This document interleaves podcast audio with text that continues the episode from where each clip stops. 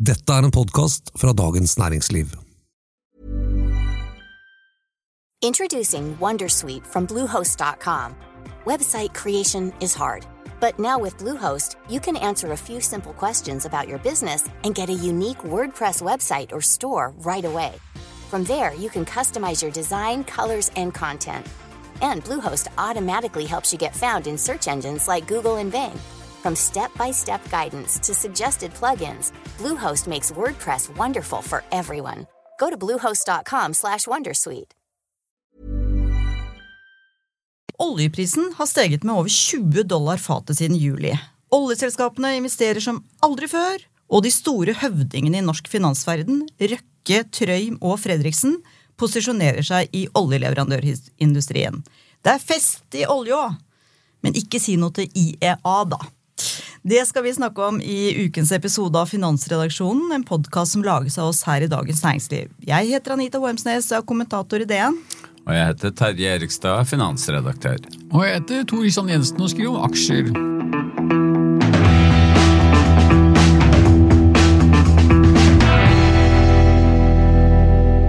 Det er utrolig mye som skjer i oljesektoren for tiden, men vi må liksom ta én ting av gangen. Og da først den evige volatile oljeprisen.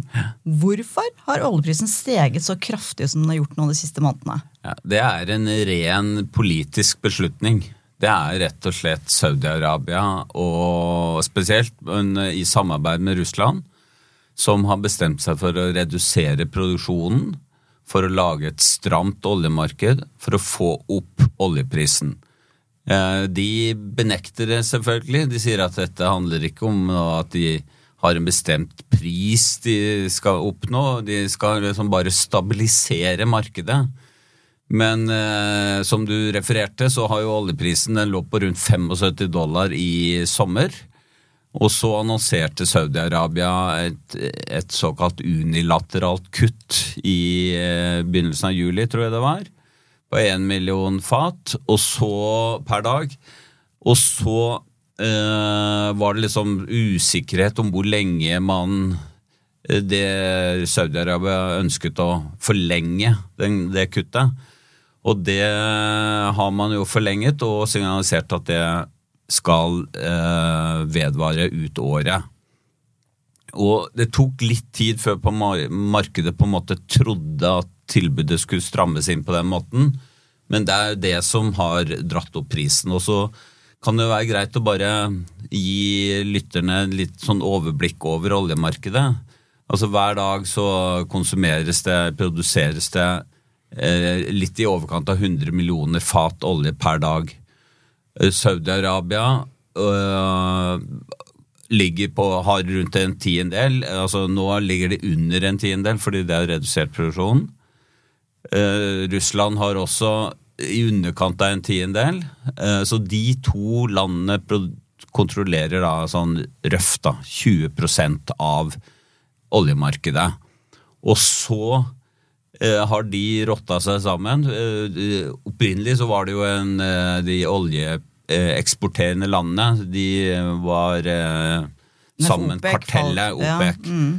Men dette kalles da altså OPEC pluss, fordi det har med flere land som ikke formelt er medlemmer av OPEC, men som samarbeider da om å kontrollere tilbudet. Så den litt spesielle situasjonen eh, som er i oljemarkedet i år, er at ikke OPEC, som da er Norge, USA, Brasil og en rekke andre land, faktisk produserer mer olje enn noen gang. Eh, Sånn eh, rundt 52 millioner fat per dag.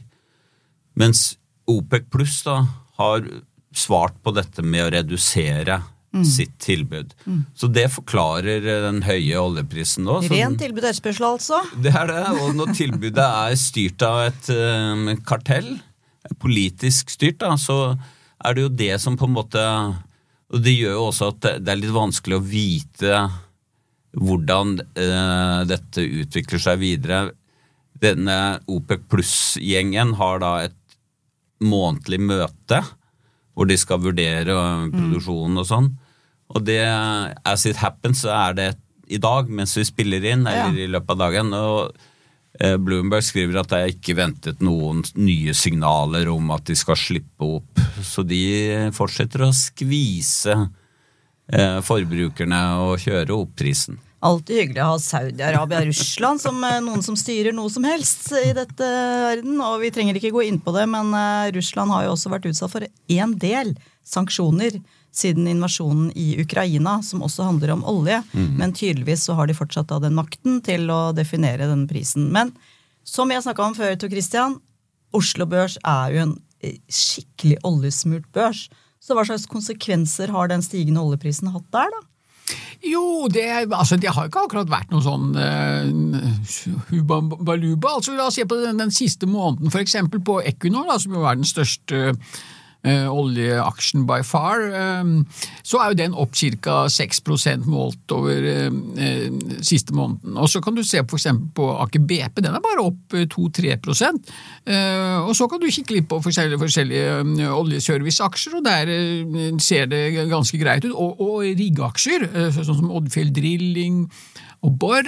Så har du seismikk, men der har det vært det spesielle med at TGS har kommet med et bud på PGS, og der skal det jo da låses inn et bytteforhold, så det gjør det litt sånn, sånn spesielt. Men, men, det er ikke sånn at det, liksom, at det har liksom tatt helt av fordi at oljeprisen nå er på 90 dollar.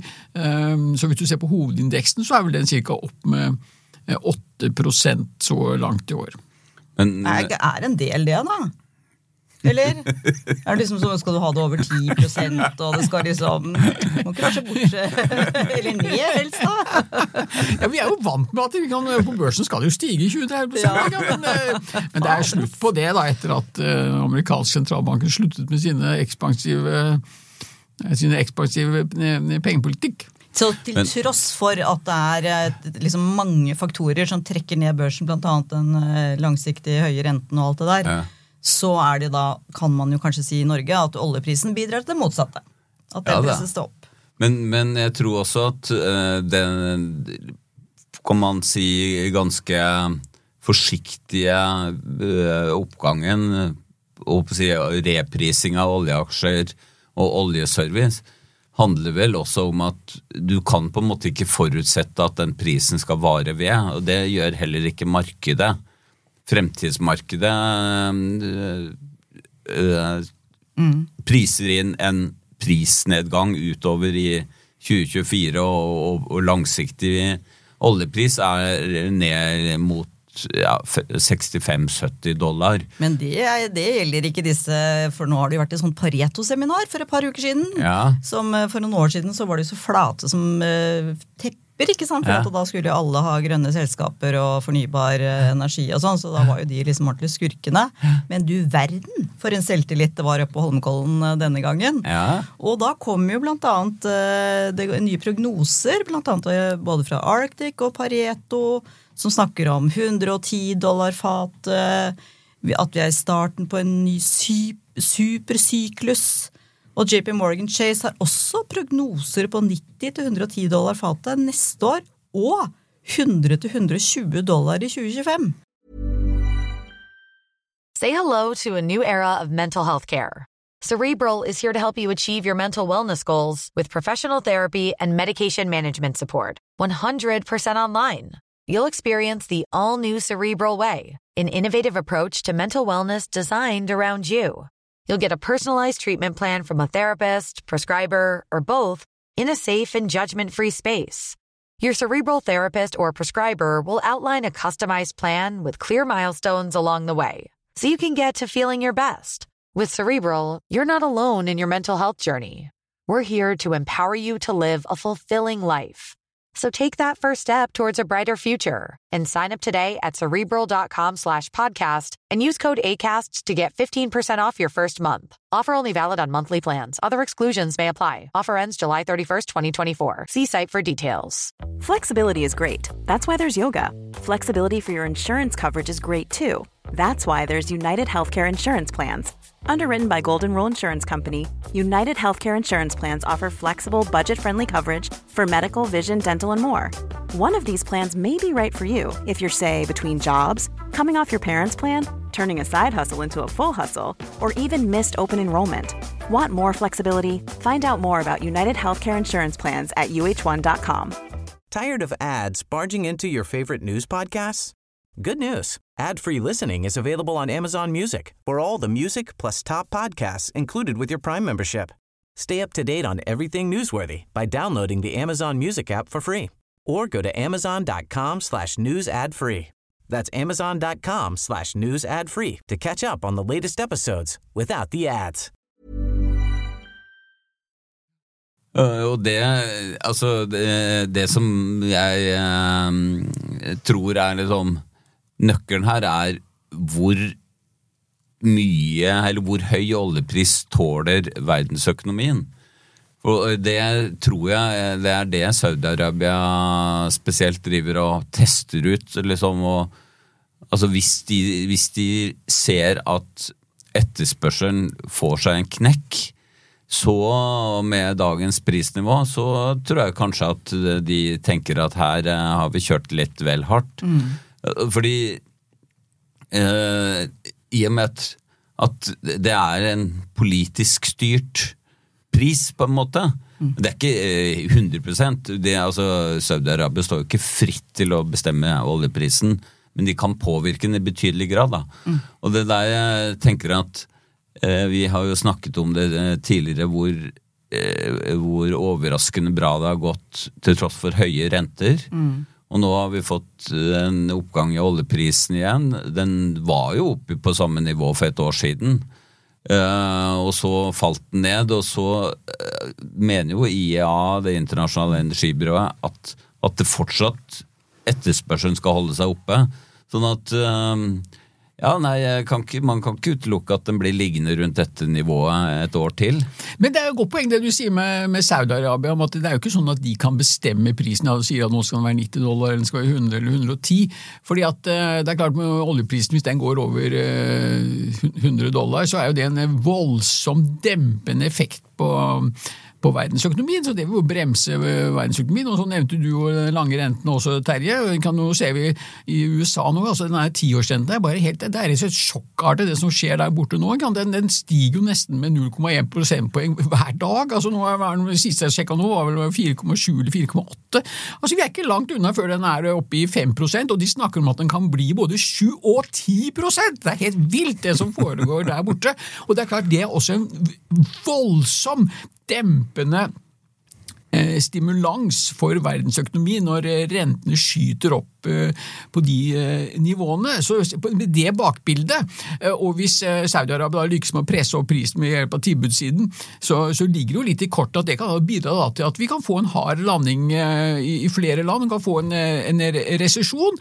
og Det viser jo den meste av historikk, at resesjoner det drar med, gjerne fører med seg til eh, lavere oljepris. for at Selv om da Saudi-Arabia styrer tilbudssiden, så vil jo det da føre til redusert etterspørsel. og Vi har jo ennå ikke snakket om, om, Kina.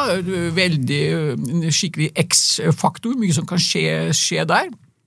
Og Kina er veldig viktig for utviklingen i oljeprisen. Så man skal heller ikke bli overrasket om oljeprisen kan falle kraftig. Og da snakker vi ikke bare om ett år, men kanskje allerede i løpet av de neste neste månedene. Vi vet vel det, vi har vel sagt det mange ganger, at prognoser på oljeprisen, det er den beste prognosen er den prisen som er i dag. Ja, nettopp. Ja, så vi kan bare gjenta det da. Når Det vi kan da, vi gjenta det. Ja, og det var også, Unnskyld at jeg avbryter igjen, men nå, var det akkurat det, det, det også du snakket om i stad, Terje, dette med at eh, disse oljerelaterte aksjene altså den, de, de har ikke steget eh, like mye som det oljeprisen har gjort, og det er nettopp fordi at eh, de, jo, de som handler i disse oljeaksjene, de gjør sine egne vurderinger. Er, er, det, er det sannsynlig at oljeprisen skal stige til 110 dollar? Vel, ok, da hadde, tenker du ok, da er det i hvert fall på kort til mellomlang sikt greit å kjøpe oljeaksjer. Men du ser at det, det, det skjer ikke, altså, så det, jeg tolker det som om at de, de sitter litt på gangen og er ikke helt, liksom, ikke helt, helt overbevist om at dette kan, kan fortsette. da. Ja. Det er jo, mm, som du sier, Tor, en, en form for eh, skatt, eller sånn demping av aktiviteten i økonomien i, i de landene som er nettoimportør av eh, olje, ikke sant? Går den prisen opp, så er det, det Du kan selvfølgelig prøve å redusere forbruket, men det er ikke så lett på kort sikt. Men på lang sikt så, så bidrar denne høye oljeprisen til at forbruket blir redusert. Og det igjen peker på IA, som jo da har sine månedlige oljemarkedsrapporter. Hvor de peker på at økt andel med elbiler, en sånn strukturell nedgang i etterspørselen etter raffinerte oljeprodukter, den der trenden om at folk jobber hjemmefra, reduserer også forbruket. Så det er en del sånne trender som, som, bidrar til redusert forbruk. Og så har de sagt at det som gjør at vi kommer opp i rekordhøyt nivå på oljeforbruket i år, det er at Kina kommer tilbake. Og Kina har hatt lavere vekst enn det man trodde, men likevel har eh, etterspørselen økt en del. Og så er det fly, eh, altså flybensin, da, som driver etterspørselen. Men eh, ikke sant, eh, nå advares det om eh, økte flypriser pga. Høye, høyere drivstoffutgifter. Så det er jo mm. en effekt på etterspørselssiden av den der høye prisen som som på en måte Jeg kommer tilbake til at det er ikke så lett for Saudi-Arabia å vite hvor smertegrensen går. Nei, det er ikke det. Nei, også, Det er jo masse spennende effekter. Jeg så jo også den substitusjonseffekten. Mm. Altså ved at Når oljeprisen blir så høy, så blir jo alternative energikilder mer attraktivt. For eksempel sol og vind og, mm. og vannkraft. Da vil jo, når alternativkostnadene øker der, altså ved at oljeprisen mm. øker, så blir det jo mer attraktivt da å investere i disse eh, prosjektene. Så det, det er ikke noe som gir en sånn kortsiktig effekt, men altså på på, på, litt lengre sikt, så er det klart det bidrar jo også da til på en måte at eh, oljeprisen skyter seg selv, eller oljemarkedet skyter seg selv i, i foten. Og så er det jo en, en annen effekt, og det er jo at når oljeprisen øker så mye, Eh, så vil det jo også føre til økt eh, tilbud. Altså La oss si for eksempel eh, shale, eller hva er det for noe, skifer. Ja. Skiferolje. Ja i USA. De har jo vært litt sånn forsiktige. Det var jo en periode hvor de var veldig aggressive. Så har de vært litt sånn forsiktige da. De, selskapene investerer ikke så mye i ny skiferproduksjon. Men det kan jo skje ting der, og det var vel DNB Mark som påpekte i dagens oljemarkedsrapport at det er også flere andre land som fortsatt har et visst potensial. Det er ikke noen enorme mengder, men altså fortsatt et visst potensial til å øke produksjon og, og, og tilbud. Ja da, og som du nevnte innledningsvis, Anita, så, så letes det jo etter olje, selv om investeringsnivået faktisk sånn altså Hvis man bare ser på det sånn eh, nominelt, så er det lavere enn det det var på det høyeste rundt 2014. Eh, men nå mener f.eks. Rystad Energy, som er et konsulent- og analyseselskap som har, har god peiling, at eh, effektiviteten er blitt bedre. sånn at du kan ikke sammenligne én dollar investert i 2014 direkte med du får mer for den dollaren nå, faktisk, til tross for inflasjonen. Ja, for Det er jo det der som er helt utrolig. ikke mm. sant? At uh, Under pandemien så var det en ras av oljeselskaper mm. som mm. troppa opp på statsministerens kontor og ba om skattelette. For dette har kommet til å luke åt skogen. Ja, ja. Og så fikk de det. De fikk en veldig god og raus uh, oljeskattepakke hvor de måtte levere inn disse utviklingsprosjektene sine nå før nyttår. Mm. Og det gjorde de jo til gangs. Ergo så har det jo blitt enorm vekst i uh, mye mer enn det man trodde så for seg tidligere i oljesektoren. Så det er kjempebra aktivitet der. Det er det. Og det, er jo, og det lider jo på en måte vi av, da. For vi får jo da kanskje høyere rente lenger. Ja, altså, fordi uh, aktiviteten er så høy. Ja, fordi Norges Bank har jo uh, lager en sånn analyse av hva er det som driver renten opp, og hva som driver renten ned. Og det som driver renten opp i Norge nå, det er olje. Og det er ikke bare investeringene, det er også oljeprisen. Og de, de blander både si, norske investeringer og det globale oljemarkedet. Men, men, det at det går veldig bra i olja, som du sa, det, det betyr at vi får nok en noe høyere rente enn vi ellers ville hatt. Mm. Eh, men da, det er liksom motstykket er jo at det går veldig bra i den bransjen og leverandørindustrien, og det er tusenvis av arbeidsplasser, og de tjener masse penger. Eh, og, og leverer masse skatteinntekter. Det gjør det, absolutt. Jeg har jo vært veldig kritisk til den oljeskattepakka, fordi eh, det å gi en bransje som i utgangspunktet er superlønnsom, skattelette for å investere mer, det er ikke god økonomisk politikk. Men jeg blir jo ikke veldig populær. eh. jeg har jo også ment, jeg mener jo at vi er nødt til å redusere olje- og gassinvesteringene eh, av klimahensyn. Eh, og der ble jeg Du får ikke trampeklapp på i Rogaland av den, altså. jeg, eh, jeg hørte på Du nevnte jo IA, vi har vært inne med det, internasjonale energibyrået, som jo la frem en rapport om hvordan det går med klimaomstillingen. Og det går jo ikke bra. Eh, Det er ikke bare mørkt, men det er ganske så mørkt. Og så ble han Fatih Birol, som er sjefen for IA, spurt da under den pressekonferansen om, eh, om det er eh, fornybar energi som har skyld i den høye oljeprisen. Altså, Logikken var vel kanskje at, at fornybar energi ikke har levert nok, sånn at vi fortsatt må bruke mye olje.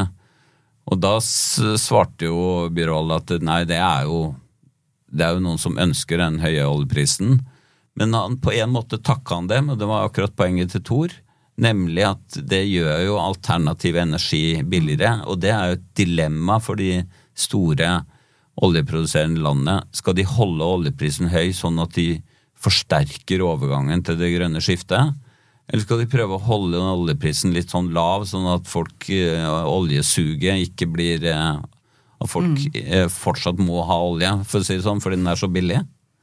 Nei, det der er, eh, det er et dilemma, eller trilemma, eller Trilemma, ja. kvadrelemma, eller eh, hva man skal si, i alt som har med olje å gjøre. Mm. Men eh, hvis vi går over til denne spennende gjengen da, som da driver innen olje det, Du klarte jo å nevne både Kjell Inge Røkke, eh, Trøym Hva er fornavnet hans? Tor? Olav Trøym. Tor Olav Trøym, ting jeg glemte.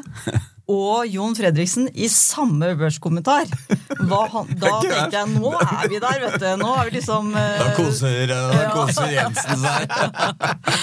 Og det gjaldt Solstad Offshore, som er et supply-selskap. Hva, hva betyr det? Hva er det de driver med? Ja, altså de, de har uh, servicebåter, båter som eh, eh, går i Nordsjøen eh, ut til oljeplattformene, leverer forskjellige typer tjenester, eh, transporterer eh, utstyr og varer ut til plattformene, driver med ankerhåndtering. I det hele tatt, eh, det er ganske vidt spekter av disse båtene, og disse båtene blir jo spesialbygd for den tjenesten de skal eh, de skal gjøre. Og da er det Solstad Offshore har jo en eh, rekke av slike veldig ille slike båter, og det var jo en del av problemet til denne næringen. At eh, de syntes båtene var så ille at de bygde jo altfor mange av dem, og med god hjelp av den norske stat, som jo ga garantier, gunstige garantier. Så de klarte jo å bygge i hjel det markedet. Så alle disse Doff og Solstad Offshore og Rem og Deep det, dette selskapet til John Fredriksen, eh, alle disse selskapene Si Supply. Eh, takk. jeg turte ikke si jeg fikk- jeg skulle si feil navn. Eh, Men de fikk jo store problemer med å, å ha konvertert gjeld en haug med ganger, og aksjonærene har jo tapt penger så det, så det holder, um, inkludert den norske stat som garantist. Men så er det da det spennende nå da med Solstad Offshore. De har jo fortsatt masse gjeld, og 20 milliarder eller så kroner. Um, og det vil komme en ny restrukturering, gjeld som skal konverteres. Men uh, Tor Olav Trøim han, uh, han har tydeligvis uh, satset på dette. Dette kan være et, bra veddemål, for han har kjøpt ganske betydelig med aksjer i, i Solstad Offshore. og, det, det er også å huske at også Trøim hang i tauene og, og slet jo voldsomt med finansene pga. Bård Drilling var jo nede for telling, og Golar LNG gikk ikke spesielt bra med, eller noen av satsingene hans gikk det ikke spesielt bra med. Så det, da kan du si at når han nå da går ut og bruker flere titalls millioner på å kjøpe Solstad Offshore-aksjer, så er det både et tegn, interessant tegn for Solstad Offshore inn mot denne restruktureringen, samt at det må jo bety at eh, han må føle seg ganske bra på det privatøkonomiske når han kan gå bort og kjøpe aksjer i et helt nytt selskap som han jo ikke har vært investert i tidligere, og han har jo heller ikke hatt noe historikk med å samarbeid med Kjell Inge Røkke og Aker, som jo er hovedaksjonæren i mm, Solstad Offshore med 25 av aksjene. Det kan jo endre seg i denne restruktureringen. Det vet vi at restruktureringen har jo en lei tendens til å det, utraderer jo dagens aksjonærer. Og slik eh, Fredriksen var jo også med til selskapet, for han infusjonerte innfusjonerte det selskapet som Terje nevnte. Mm. Men han forsvant jo ut i en av de restruktureringsrundene, så nå er det liksom Røkke som sitter igjen på haugen, som kongen på haugen. da. Det der blir spennende, altså. For det er liksom et eller annet mer med en rent sånn eh, finansielt, føler jeg, når de kara der eh, barker litt sammen. Ja, når, ja, når det er sagt, Jeg skrev i Børsjournalen at jeg tippet jo at Trøim var, var rent finansielt. Så, så, så jeg satser på det. Det kan jo være at du har rett. eh, Nei, nei, jeg tenker ikke at det er det. Men jeg tenker at Røkke kanskje ikke vil eh, la seg utvanne i noen eh, restrukturering der? kanskje? Nei, det altså, for spørsmålet er jo er hvem, hvem andre skal liksom overta. på en måte. Nå er det nok riktignok sånn at eh, Fredriksen han sitter sannsynligvis på gjeldssiden og har sannsynligvis kjøpt gjeld for eh, over en milliard, kanskje halvannen milliard. Og det er klart, det vet vi jo i restruktureringer. Hvem er det som sitter med makta da? Det er jo de som sitter på gjelden, ikke sant?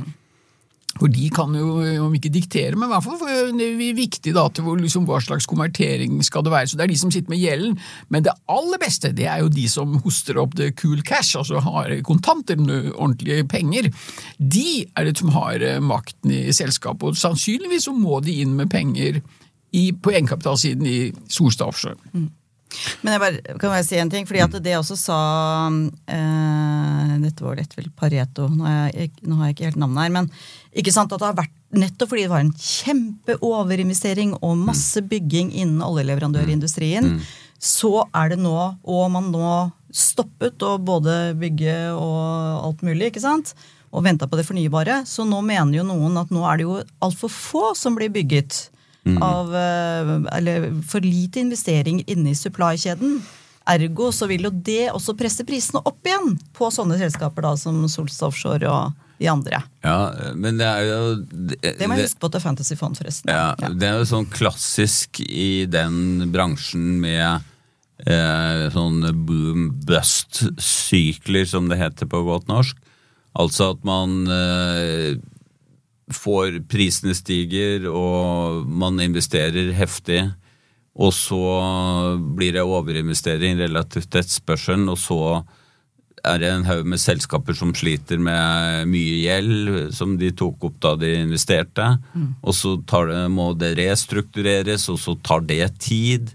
Og så, så blir det en sånn her Det er jo det um, Jarand Rystad mener er liksom sånn driver av oljeprisen, og som mener, han mener at oljeprisen skal ned igjen på grunn av disse mekanismene i 2024.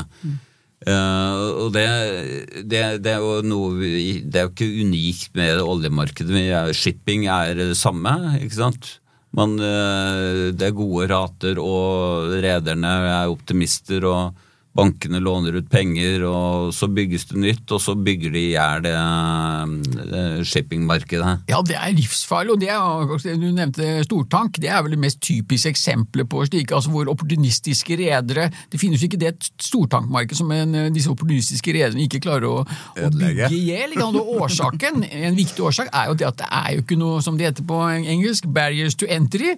Altså Beklager. Det Koster ikke mye å bli med i markedet. eller noe sånt. Ja, adgangsbarrierer, det var jo elendig oversettelse, det hørte jo selv jeg. Det er ikke noe inn etableringshindringer. Eksakt, Ja, ikke sant? Så det gjør jo at hvilken som helst dust kan gå bort og kjøpe et tankskip, og det gjør de jo ofte. Du må jo ha pengene, selvsagt, men vi husker jo fra gamle, dager, gamle dager kommandittselskaper. ikke sant? Du bare skraper sammen pengene, fordi at det, det å drive skipet, det trenger du ikke gjøre selv engang. Det fins flust av veldig gode managementselskaper som kan ta, ta den jobben. Så du trenger altså bare å hoste opp pengene, og så kjøpe det, det tankskipet. Ja, men det kan, det kan være, kanskje være et tema for en annen eh, episode, men tankmarkedet er jo blitt eh, temmelig eh, på å si, eh, forvandlet på grunn av eh, Russlands krig mot Ukraina og de sanksjonene som du eh, nevnte, Anita. Så er det oppstått det man kaller en såkalt dark fleet, eller en sort liksom Skyggeflåten, vi Ja, det i en skyggeflåte. stor Ja, vi har jo skrevet om det.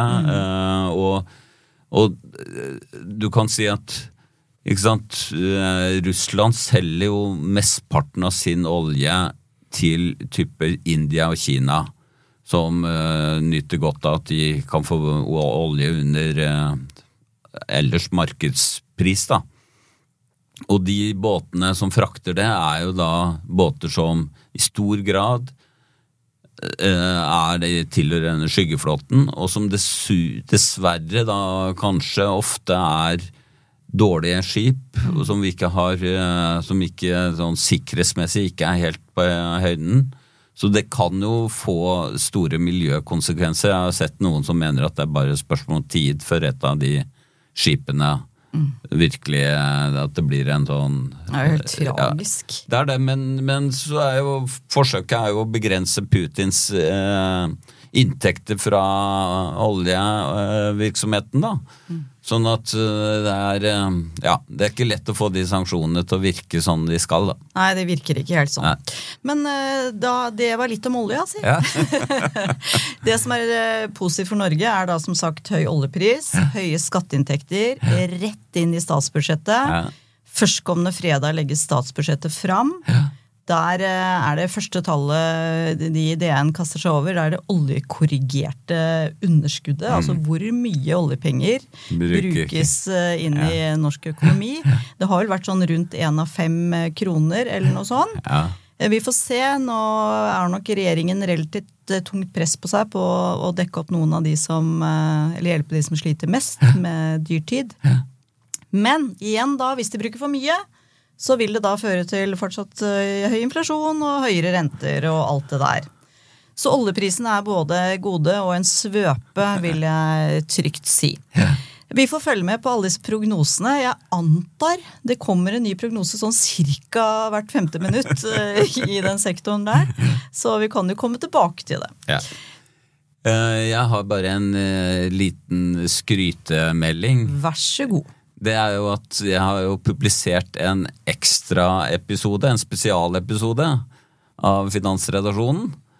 Eh, med eh, kanskje verdens fremste ekspert på verdsettelse av selskaper, eh, professor Aswat Damodaran ved Universitetet i New York. Den er riktignok på engelsk, men for alle som er interessert i og lære litt mer om hvordan man verdsetter selskaper, så vil jeg anbefale min egen episode. Vi støtter anbefalingen, gjør ikke det, Kristian? Jo, jo, ja, Damoran han er jo nærmest du kommer rockestjerne innenfor verdsettelsesfaget. og det er, ikke, det er, ikke, dårlig gjort. Altså. Det er godt gjort. Ja, det er godt gjort.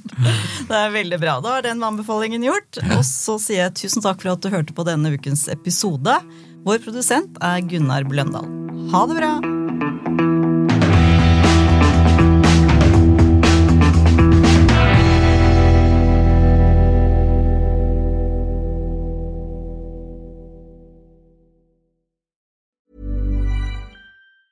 Tired of ads barging into your favorite news podcasts? Good news. Ad-free listening is available on Amazon Music for all the music plus top podcasts included with your Prime membership. Stay up to date on everything newsworthy by downloading the Amazon Music app for free or go to amazon.com slash news ad free. That's amazon.com slash news ad free to catch up on the latest episodes without the ads. Don't you love an extra $100 in your pocket? Have a TurboTax expert file your taxes for you by March 31st to get $100 back instantly. Because no matter what moves you made last year, TurboTax makes them count. That means getting $100 back and 100% accurate taxes only from Intuit TurboTax. Must file by 331. Credit only applicable to federal filing fees with TurboTax full service. Offer can be modified or terminated at any time.